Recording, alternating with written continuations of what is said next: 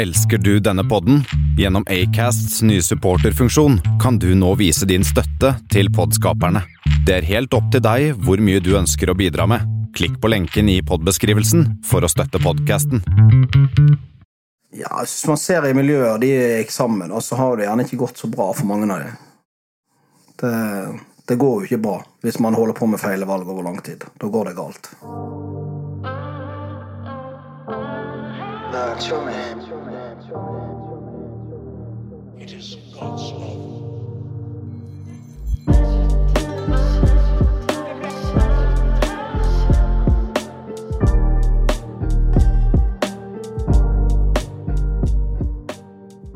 Det går I dag har jeg besøk av en ekte arbeidsmaskin. En skalla 20-årgutt fra Bergen by med glimt i øyet, selvfølgelig.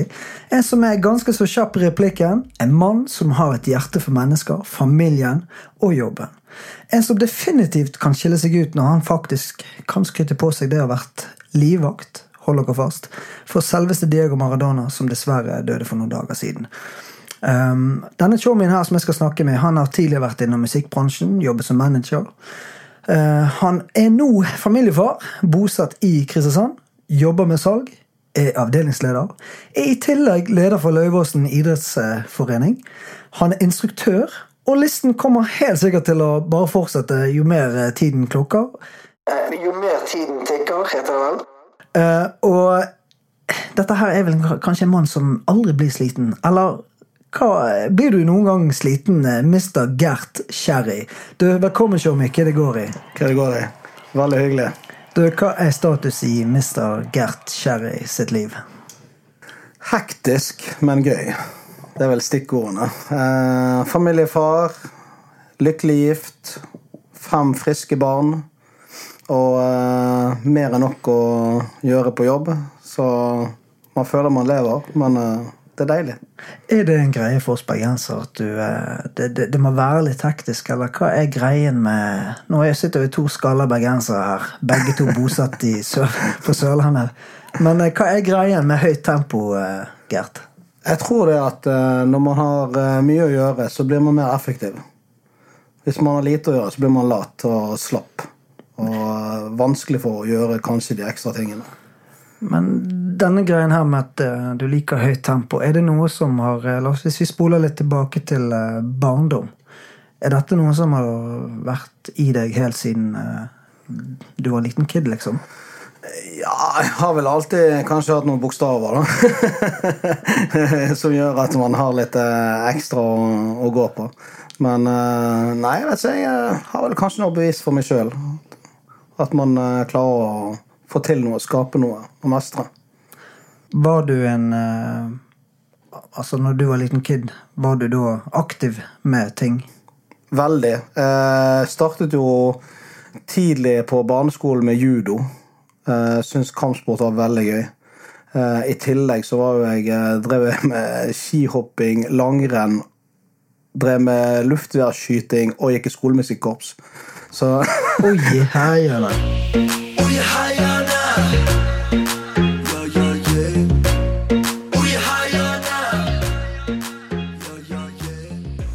Så jeg fikk jo fort eh, et ultimatum av mamma da, at eh, nå måtte jeg begynne å velge. Det ble dyrt. Det ble mye logistikk eh, Mye logistikk på de med kjøring fram og tilbake her og der. Eller?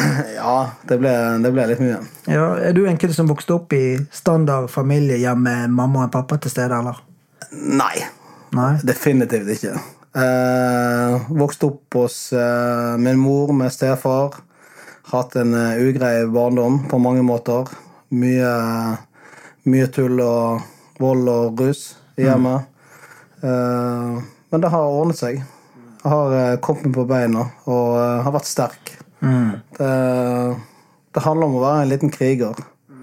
Og så sitte seg noen mål på at man ønsker å så klare seg sjøl. Men litt sånn som det du sier der nå, at du hadde jo en ganske utfordrende tid som eh, barn. Var det, Gjaldt det helt fra tidlig stadie til du ble tenåring, eller når startet dette? Ja, fra, eh, fra jeg begynte på barneskolen, egentlig. Mm. begynte på ungdomsskolen, så skeiet det veldig mye ut. Da ble det en god del eh, pøbelstreker, som vi kan kalle det på voksenspråk. Var det et skrik om oppmerksomhet fordi at du kanskje ikke hadde det så greit på hjemmebane? eller? Ja, definitivt. Helt klart. Da fikk man oppmerksomhet. Kom hjem med, kom hjem med politibil, så fikk man oppmerksomhet. Var det på ungdomsskolestadiet? Ungdomsskolestadiet. Ja. Da, jeg kan ikke akkurat skryte av de karakterene mine den gangen. Jeg tror jeg hadde lite godt. Det var vel, eh, Ja. eh, I oppførsel var vel kanskje den beste karakteren jeg hadde. Men var det ingen som så at, eh, eller tok tak i og på en måte kunne være med og hjelpe deg på den tiden der? Du, vet du hva? Eh, ting har heldigvis endret seg enormt i samfunnet siden den tid. Nå høres jeg veldig gammel ut. Men eh, man skal ikke spole så mange år tilbake før eh, man ikke brydde seg om hva naboen gjorde. Man skulle ikke ligge seg opp i hva andre gjorde. Det var liksom eh, deres sak. Nå så er terskelen så lav for å si ifra hvis noen eh, trenger en hjelpende hånd, eller hvis du ser at noe ikke stemmer. Sånn var det ikke før. Da var det liksom Nei, vi ligger så ikke opp i det. Det er deres sak. Så var det ingen som prøv, tok tak i ting.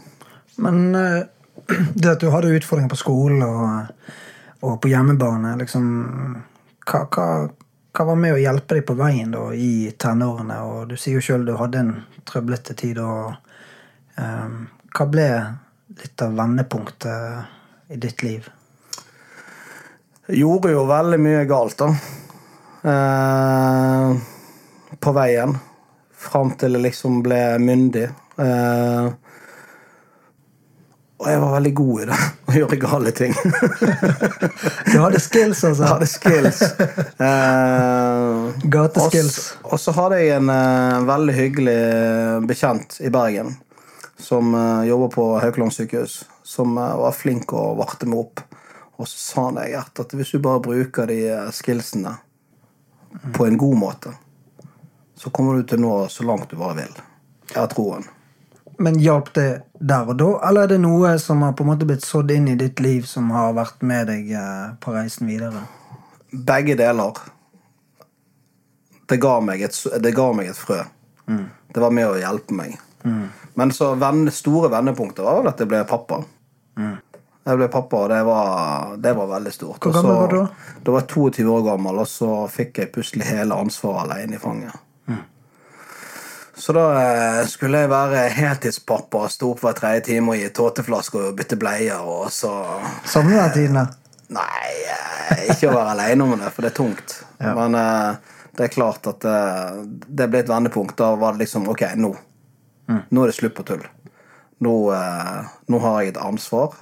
Nå må jeg, nå må jeg, nå må jeg ta en studie og ta et, ta et veivalg for å få en god jobb og så klare å forsørge og være en god pappa. Men på den tiden da når du ble pappa, da, og em, miljøet du hadde rundt deg, hvilken type nettverk hadde du rundt deg? da?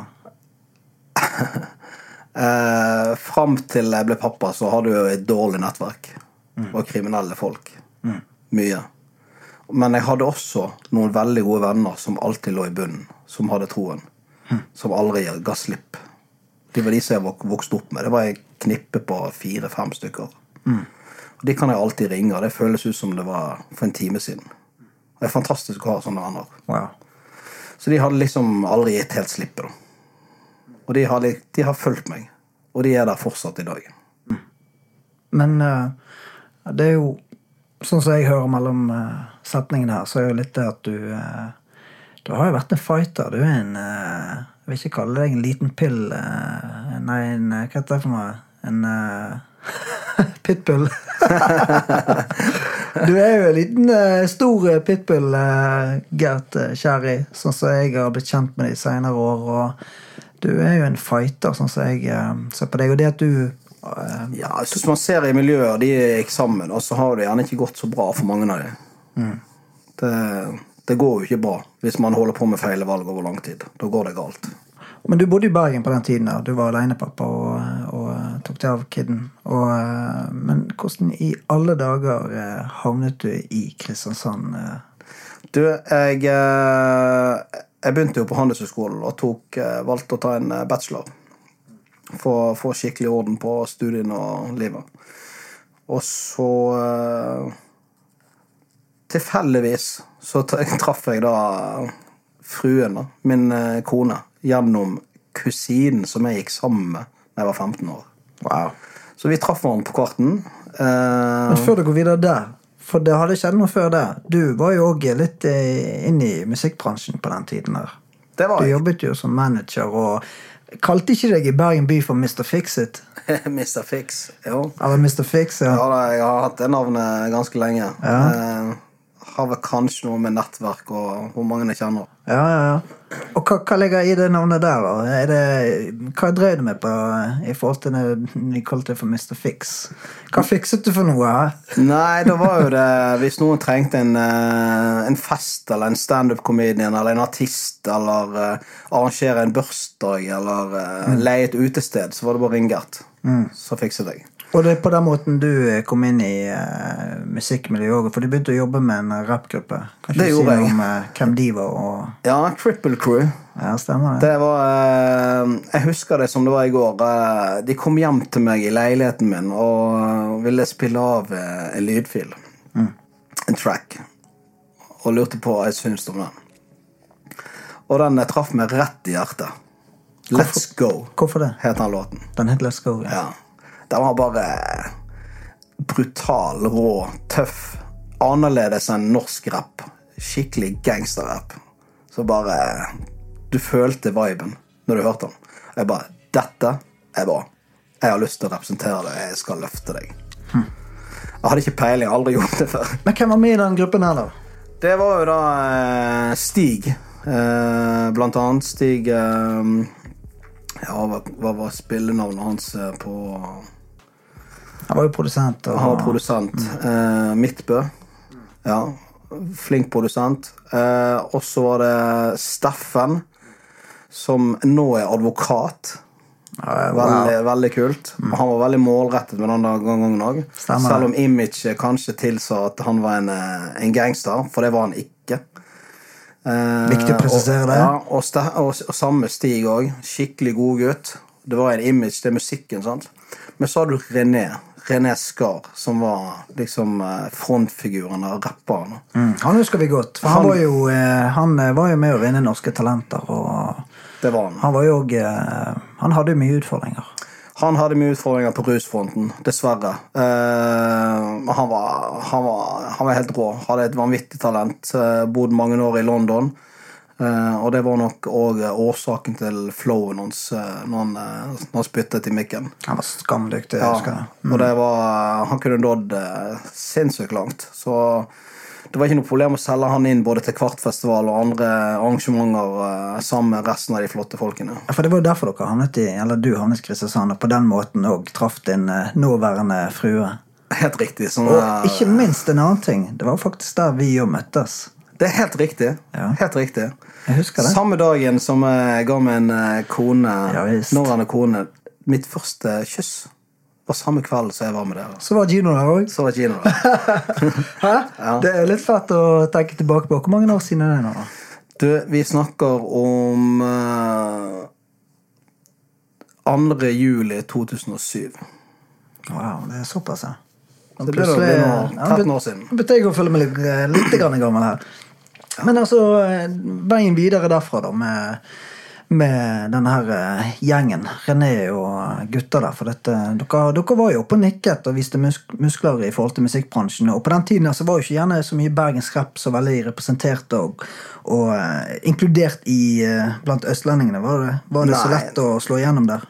Nei, det var liksom noen par store. Du hadde jo selvfølgelig Gunnar og co. og- Som, som allerede var oppe og rå skikkelig. Ja, definitivt. Lars og ja. Ja, ja, ja. Men eh, nei, dette var liksom noe nytt. Eh, så det var jeg, jeg kjente jeg var skikkelig motivert, og det var de også. Og sammen så spilte vi veldig godt på lag.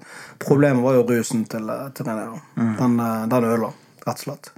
Så vi hadde noen auditioner som vi måtte avlyse pga. Uh, på grunn av rus. Veldig synd. og så endte jo det tragisk. Han tok jo, eh, han tok jo eh, en overdose på metadon til faren sin. Så han døde dessverre. Veldig synd. Og så Ja, da ble det ikke noe mer med de, og så gikk vel eh, de andre i gruppen videre med litt solo. Og levde sitt liv der. Men eh, og, Så på, etter det, det var da eh, du Sluttet som manager, eller var det Ja, det forsv eh, motivasjonen forsvant litt der og da. da. Det gjorde det. Eh, det var litt hardt. Eh, men også samtidig så holdt jeg på med utdanning og ja. Hadde en frue som du var rimelig stoka på? ja, det var mye pendling. Annenhver helg til eh, Kristiansand og annenhver helg til Bergen. for henne. Så, så døde moren hennes, ung alder. Og da, da var på et tidspunkt da hadde vi pendlet i over et år. Så da, var- da bestemte vi at det, det var kanskje å flytte til en ny by som var, var sunt og bra. Hva er greia med det å flytte sørover for oss bergensere? For nå hadde jeg nylig eh, en annen gjest som eh, vi begge to kjenner til. Mr. Akron. Ja, Han er ja, ja, Aleksanderen, og han har jo endt opp her på Sørlandet. Bare litt grann utenfor, eh, på Evje. Eh, men eh, hva er greien? Er det, er det damene, eller er det òg litt klima her? Som har litt å spille inn? Vi må jo si at det er en god kombinasjon mellom eh, den fantastiske sørlandsdialekten og også bo på Palmekysten, der det er fa fantastisk vær. Det er jo, det er jo mye mer soldager her enn det er hjemme i Bergen. Det er ikke til å legge skjul på. Og vi er jo eh, Så noe med det å slippe denne paraplyen, alltid ha den i eh, baklommene. Ja, Nå trenger jeg nesten ikke en anorakk engang. Nei, nei, nei. nei. Men også fra, fra den eh, Ja, la oss fortsette litt her. For dette, du har jo faktisk noe som eh, Noe på CV-en som ikke de fleste i Norge eh, kan eh, flekse med, for å si det sånn. Du har jo faktisk òg jobbet som livvakt. Og eh, bare for noen dager siden så fikk vi en veldig trist nyhet om eh, den største legenden, eh, kanskje. eh, Diego Maradona eh, passerte. Han er døde, og eh, du har jo faktisk vært livvakt for denne mannen, dette her fotballgeniet. Hvordan i alle dager endte du opp som livvakt for nummer ti? ja, si det. Flaks. Ja. Tilfeldighet, kanskje. Eller, var det, som- eller er det noe i det navnet Mr. Fix? ja. Eh, nei, jeg, jeg har jo gjort noe jobber. Jeg har jo eh, tatt noe, tatt noe livvaktskole i utlandet. Eh, Kan du si noe om det? Livvakt i, livvaktskole i utlandet? ja, man, okay. Ok. man kan gå uh, ulike stadier av livvaktskole. Da har man ulike trinn da man, eh, man, man går, så betaler. da Og så er man da i, både i teori og i praksis. Okay. Uh, alt fra close combat uh, personlig livvakt til VIP-driver. Altså, man kan ta alle nivåene og stegene man vil. da. Så du må ha litt sånn peiling på eh, kampsport og de tingene der. Er det noe som du har tatt med deg fra gatelivet, eller? Jeg har alltid drevet med kampsport, da, så jeg har alltid syntes det var gøy. da. Mm. så jeg har holdt på med kampsport i over 20 år. Ja. Så, men eh, det var nok ikke det som var avgjørende. Jeg har alltid syntes det var veldig spennende og kult. Og sånn fascinerende. Jeg Eh, Sett på film da jeg var liten. Men eh, virkeligheten er jo litt annerledes. Så Man går jo ikke gjerne i dress med øreproppen alltid. Eh, Nei, det er sant. men, men det er spennende. Man møter utrolig mange eh, mennesker. Og jeg har jobbet på Karfestival i 13 år.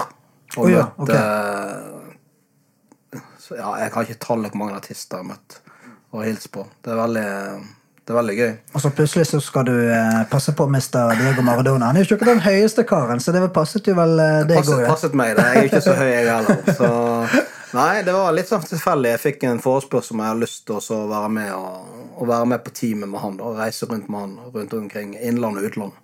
Ok. Eh, Så det ble jo en, eh, det ble en innholdsrik reise. Hvor jeg var med han på Fulgte jo han hele tiden. Ja. På suiten og på fly og på, på bi, i bil og overalt. Så det er jo, det er jo eh, utrolig fascinerende å være med et sånt menneske som er så kjent. Det, han fikk jo aldri fred. Nei. Uansett hvor han var, så kom folk og spurte etter autografen. Så jeg så du baksiden av medaljen. Så noen byer så valgte han bare å være på suiten hele tiden. Han orket ikke gå ut. For det, det var umulig å gå en plass uten oppmerksomhet. Virket Så- han sliten, eller virket han uh... Ja, han, han var nok ganske sliten av å være, være stjernen. Så det er jo, du har jo to personer, da. Sant? Du har liksom deg, og så har du Maradona. Så liksom eh, den eh, Jeg tror nok det er når han fikk lov å ha ball på foten og være på banen, så var han liksom fri. Da slapp han å prate med noen og Ja. Svare på masse spørsmål. Da kunne han bare kose med det han elsket overalt på jord. Så det var, mye, det var mye paparazzi rundt han, altså? Eller var Ja, det, det blinket i alle retninger hele tiden. Du kom ut av et hotellrom, plutselig sto det elleve stykker fra forskjellige presser. Men var det noen spesielle hendelser som var litt sånn eh, Opplevde dere noe som var litt sånn på kanten? At det kunne være noen som eh, kom for tett på, eller var det Ja, du hadde mange som var litt for tett på, som eh, kanskje du så i én by, da. Ok, Og så var de førstemann på hotellet på neste by. det er spesielt. Ja, og når ikke du har annonsert hvor du skal reise, så kan jo man begynne å lure litt. Men du hadde noen par sånne stalkere. da. De, var, de fulgte hele reisen. Men er De, det, de sto og grein når vi kjørte. og sånt. Voksne mennesker. Veldig spesielt. ja, snakker vi mannfolk? Også? Ja, ja, jeg snakker store voksne menn som griner og fordi ikke det får lov å ta på den. Skikkelig svære krokodilletårer? Ja. Klasse. Men eh, hvordan var han i møte med deg, da? Eh, Følte du deg eh, Var han sånn interessert i å prate med deg, eller var du bare liksom en av, eh, en av ja, de som Både òg. Han var jo veldig hyggelig. Uh, vi hadde med oss tolk og sånt. Han er jo ikke stødig i engelsk. Men eh, men eh, ene gangen da, eh, da så han litt av tatoveringen. Jeg har jo et par tatoveringer. Ja. Og da så han litt tatoveringer. Da var han veldig interessert. Da var vi på en restaurant. Da måtte jeg kle av meg. Ok? Inne på på Inne restauranten? på restauranten. Måtte ta av meg på overkroppen, for han skulle studere alle tatoveringene mine. Ja, men Var du singel på den tiden, her, eller? Eh, ja, det var jeg faktisk. Ja, Så du var ikke redd for å kle deg inn i restauranten, du, da? Det var kanskje ikke akkurat det første tanken som streifet meg. da. Nei, nei, nei. Men, eh, Ja. jeg gjorde jo det for hans del. Men du fikk respekten, altså, fra Ja, da, han, Mr. Diego? var, han var veldig hyggelig. Han var, han var høflig og grei. Var han raus? Ja, han var det. Men eh, det er klart eh, vi ble jo, Du ble jo en ansatt, sant. Mm. Så Da må man være profesjonell og gjøre jobben. ja, så det ble jo ikke Av og til litt sånn hyggeprat, men eh, stort sett så måtte du være på jobb. Har du eh, Har Diego vært en enn du har satt opp til i forhold til uh, fotball? Er du i hele tatt interessert i fotball? Ja, ja. ja. Uh, Min, uh, min første fotballkamp eh, var jo Tottenham, som spilte i Bergen. Gerlinica Paul Gascoigne. Wow. Og, uh, Mr. Tor- Gaza! Og Torstvedt eh, i, i mål. Ah, Uh, Og da uh, fikk jeg lov å komme inn i garderoben og få autografene på et eh, sånn Tottenham-sjal. Så det er klart, eh, det gjorde noe med, med en liten gutt på 12-13 år med en malt norske flagg i ansiktet. Men, eh, ja. men jeg har aldri vært så jeg syns det er gøyere å være på kamp enn å se på TV. Det gjør jeg. Hvorfor det? Stemningen. Ja. Uten tvil. Fellesskapet. Fellesskapet, det å stå og høre de synger, og du ser alle koser seg. Og så får ikke den hjemme i stuen. Jeg syns det er kjedelig. Ja. Ja. Ja, hvis du har en uh, god showmegjeng rundt deg, eller Ja, det er noe annet. Hvis du er en gjeng som sitter og ser, så er det klart. Hva lag er du heier på, da? Nei, Jeg må si at Tottenham har alltid fulgt med, da. Så Men uh, liker jo å se på banen, altså. da. Ja, eh, selvfølgelig. Du, du er nesten forpliktet til å si det. Ja, er. Men Diego Maradona, det, du var Ja, du var livvakt han. Er det en, er det en spesiell hendelse du, du har lov å trekke fram her, som er, er kult å nevne? eller? Dessverre. Eh, jeg tror nærmest hendelse som være når jeg kledde av meg. Altså. Eh, jeg hadde buksen på meg, da. Ja, du hadde buksen. Det er greit at du presiserer at du ikke sto det, der var, det var bare skjorten. Men eh, nei da, han eh, Vi var jo med han på nattklubber. eh, overalt. Mm. så ute og trente. Så det er klart det skjedde jo masse morsomme ting, da. Men eh, vi får hylle han for den helten han er. Ja, det er bra du sier, og, Ja. og, og at en har fokus på det positive. For eh, jeg har jo sett noen av dokumentarene med hans liv, og blant annet på Netflix hvor han uh, trener et lag i ikke det Mexico. Han uh, tok over en klubb. Stemmer. Så den gjorde inntrykk på meg. Du så hvor lidenskapelig opptatt han var av både fotball, men òg fotballspillerne. De ble som en familie for han. Og uh, Han ble et symbol fordi at uh, sant, Han vokste jo opp uh, under veldig tøffe kår. Eh, og så plutselig fikk han en kjempemulighet som ingen andre gatekutter i verden hadde fått før. Så han ble, jo, han ble jo en helt over natten. For at da plutselig kunne tusenvis av andre barn som var fattige og ikke hadde noen ting i livet, få et håp om at det der, det kan jeg òg gjøre. Og det skapte et håp. Som eh, ble sånn eh, Han ble et ikon. da. Så når jeg gikk på Handelshøyskolen, så sa de at det, det finnes de tre første markedsføringsnavnene som finnes i verden. Det er Gud, Coca-Cola og deg og Madonna. Det lærte jeg på markedsføringsklassen. Er det sant? Ja. Wow. Så det sier jo litt, da. Ja. Og håpet, Gert. For du har jo eh, altså Du var jo litt innpå det med din eh, oppvekste barndom og alenepappa. Tok noen valg, endte opp i Kristiansand. Så du har gjort veldig mye forskjellig. Og i dag så jobber du både som avdelingsleder her, som vi sitter nå. Ja. Eh, Du er aktiv med idrett. Du er òg leder i eh, Lauvåsen, stemmer ikke? Idrettsforening. Styreleder der. Du er styreleder.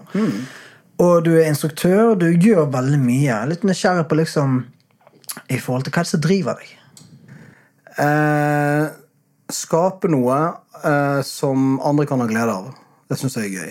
Eh, drivet mitt er idretten eh, Jeg jobber jo gratis i en idrettsforening med tett på 500 medlemmer. Er Ti, ti idrettsgrupper. Og så er jeg karateinstruktør. Eh, vi har åtte timer i uken. Og du er, ja, det at du er instruktør, men du har jo òg Du har jo bikket det der sorte beltet, har ikke du? Det har jeg. Ja. Og Har to sorte belter. Andre dag, det er lov å så ta så Ja, eh, slå seg litt selv på Klappe seg sjøl på skuldrene, ikke Ja, ja, det er en, eh, det er en milepæl i livet det å klare det. For det er noe man eh, higer etter og har lyst til å klare. Det. det er et mål, da. Men da er det viktig å fortsette, for det er da man, er da man begynner å lære skikkelig. Så det er også å få dette over på andre. Da. Så eh, drivkraften min i idrettslaget er vel at det koster bare 600 kroner i året for et barn å være medlem. Per år. Og på den måten så kan jeg inkludere alle typer barn, uansett bakgrunn. Uansett uh, hvor de kommer fra, eller økonomien til mamma og pappa. Så da kan, jeg, kan alle komme og trene hos oss. Mot uh, kanskje andre som har høyere priser, som gjør at det er vanskeligere for dem å trene. For det er jo uh, utenforskap den, den den er til stede. Det er mange som faller i den kategorien i alle bydeler.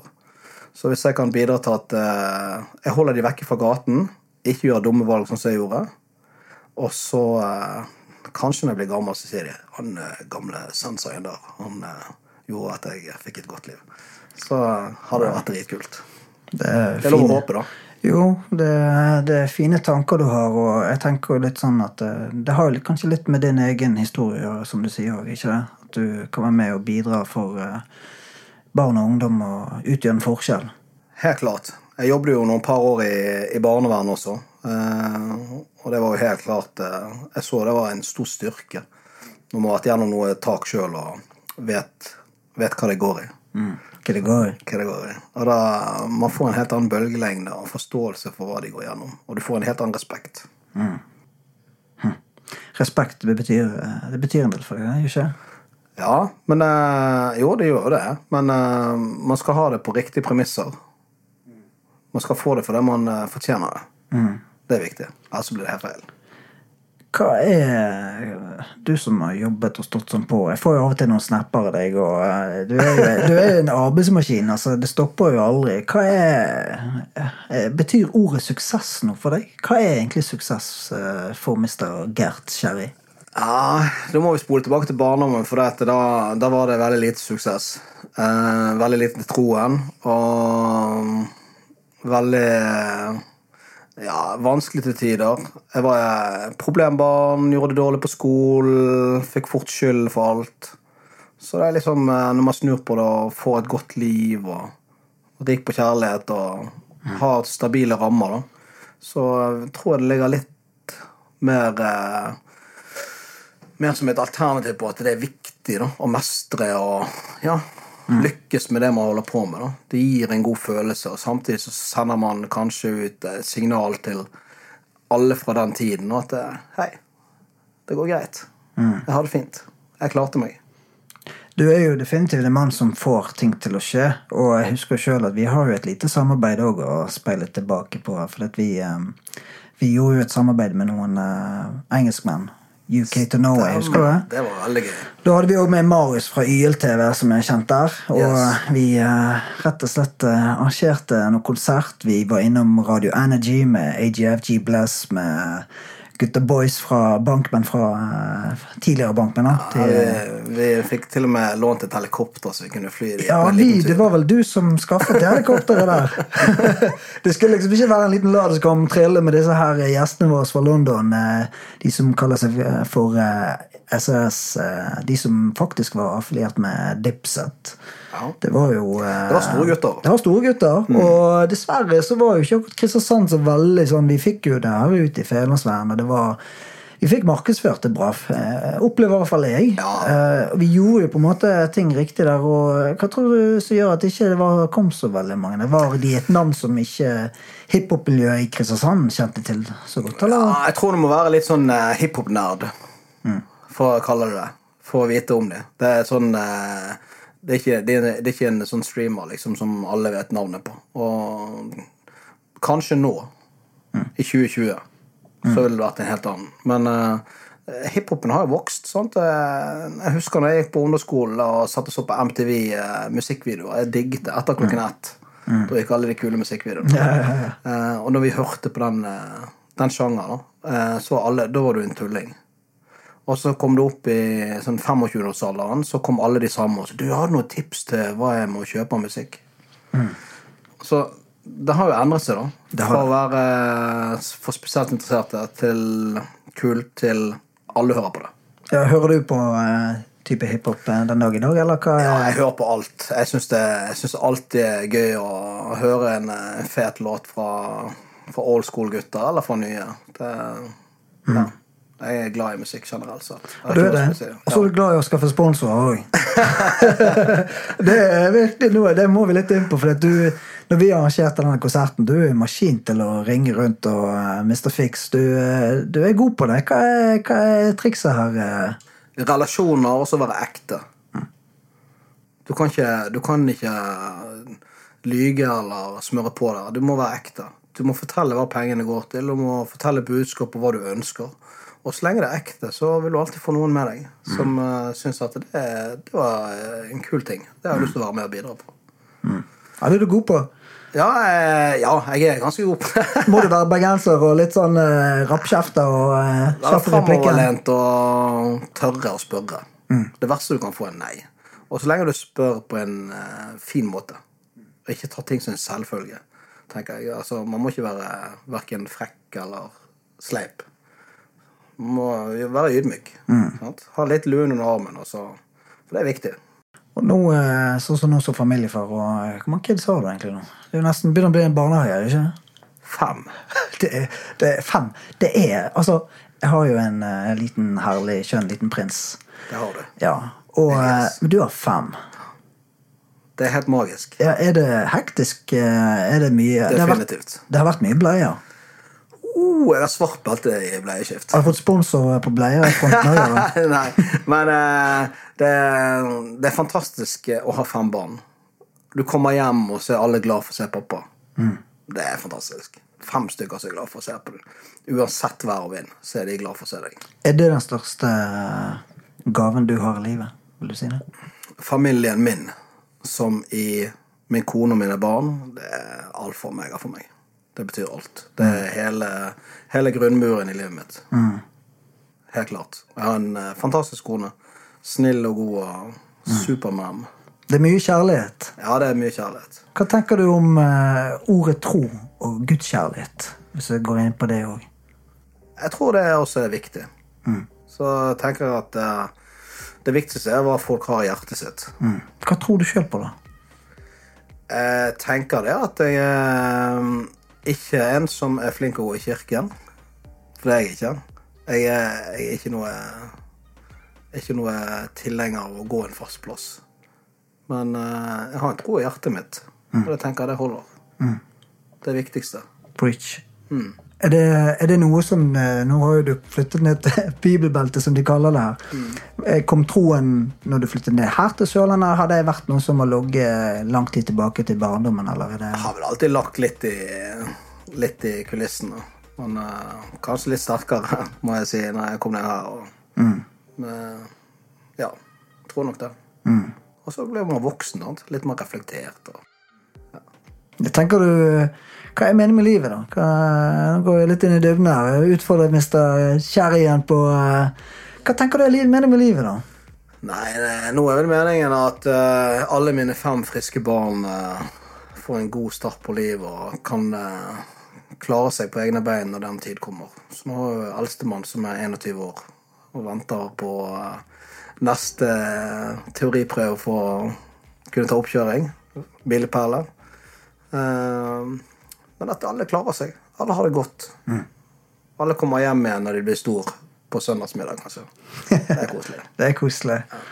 Og eh, det etternavnet det er jo litt sånn spesielt. Det er jo litt sånn, Jeg er jo veldig, veldig veldig ekstremt glad i eh, eh, Italia.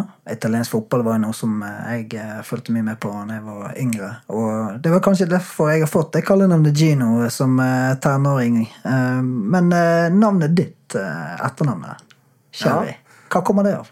Det er ikke så mange som har, har det navnet. Det er meg, min kone og mine barn i Norge. That's it. Så det er litt kult. Det er kun oss eh, syv. Er det italiensk?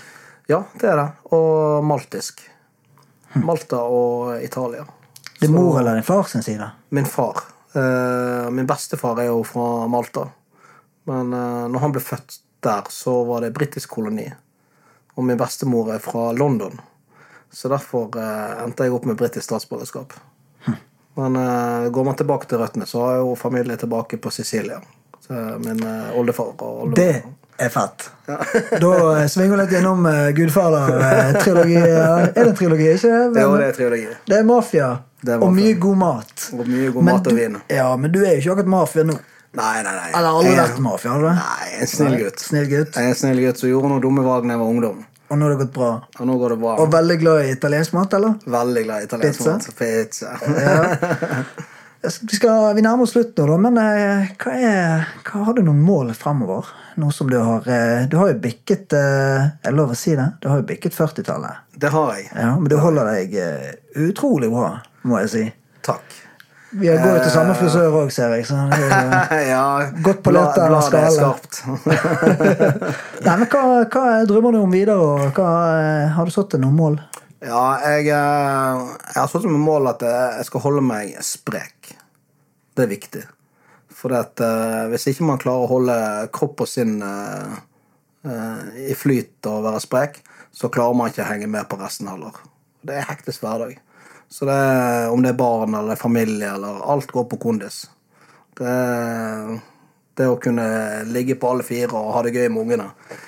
Eller ha lange arbeidsdager uten at du blir sliten. Så du forbrenner ikke like bra fett som før nå, eller er det, må du steppe opp gamet litt mer? Må steppe opp game. Så jeg har faktisk kjøpt meg romaskin og løpemaskin hjemme. Men eh, ja, jeg har jo åtte undervisningstimer i uken med karate, så det hjelper litt. Det er fett. Ja. Og eh, jeg har lyst til å stille et siste spørsmål. Du er jo en mann som har eh, Det har gått bra. Tross alt du hadde noen dårlige odds mot deg. Eh, hva ville du sagt til en kid nå som er i, i den fasen i livet som en tenåring og sliter med ting og kjenner at det er ikke noe håp for meg, og har dårlig selvbilde? Har du noen Kloke ord. kloke ord, noen motiverende ord til en chommy som sliter? Ja, det kan jeg Det har jeg. Faktisk. Det har jeg. Eh, om de hører på de nå, det vet jeg ikke. Eh, jeg, har selv vært i, jeg har selv vært i skoene dine. Jeg har hatt det tøft. Jeg har gjort dumme valg. Jeg har sittet med hodet bøyd i, eh, mellom beina og tenkt eh, Helsike. Nå går alt i dass. Hva gjør jeg nå? Livet gruser sammen. Jeg mister alle vennene mine. Alt, alt går til helsike. Men det gjør ikke noe. Når du er 13, 14, 15, 16, 17 Livet har akkurat startet. Du kan gjøre hva du vil i livet. Du kan bli stortingspolitiker. Du kan gjøre hva pokker du har lyst til, hvis du bare bestemmer deg for. Hele poenget er du må bestemme deg. Det nytter ikke at andre står og pirker og sier hva du skal gjøre. Du er nødt til å ta et valg. Alle har et valg i livet. Og det dummeste jeg hører Sorry, folkens. Hvis du sier 'nei, jeg hadde det så vanskelig'. Det er ikke en unnskyldning. Det bør være en drivkraft.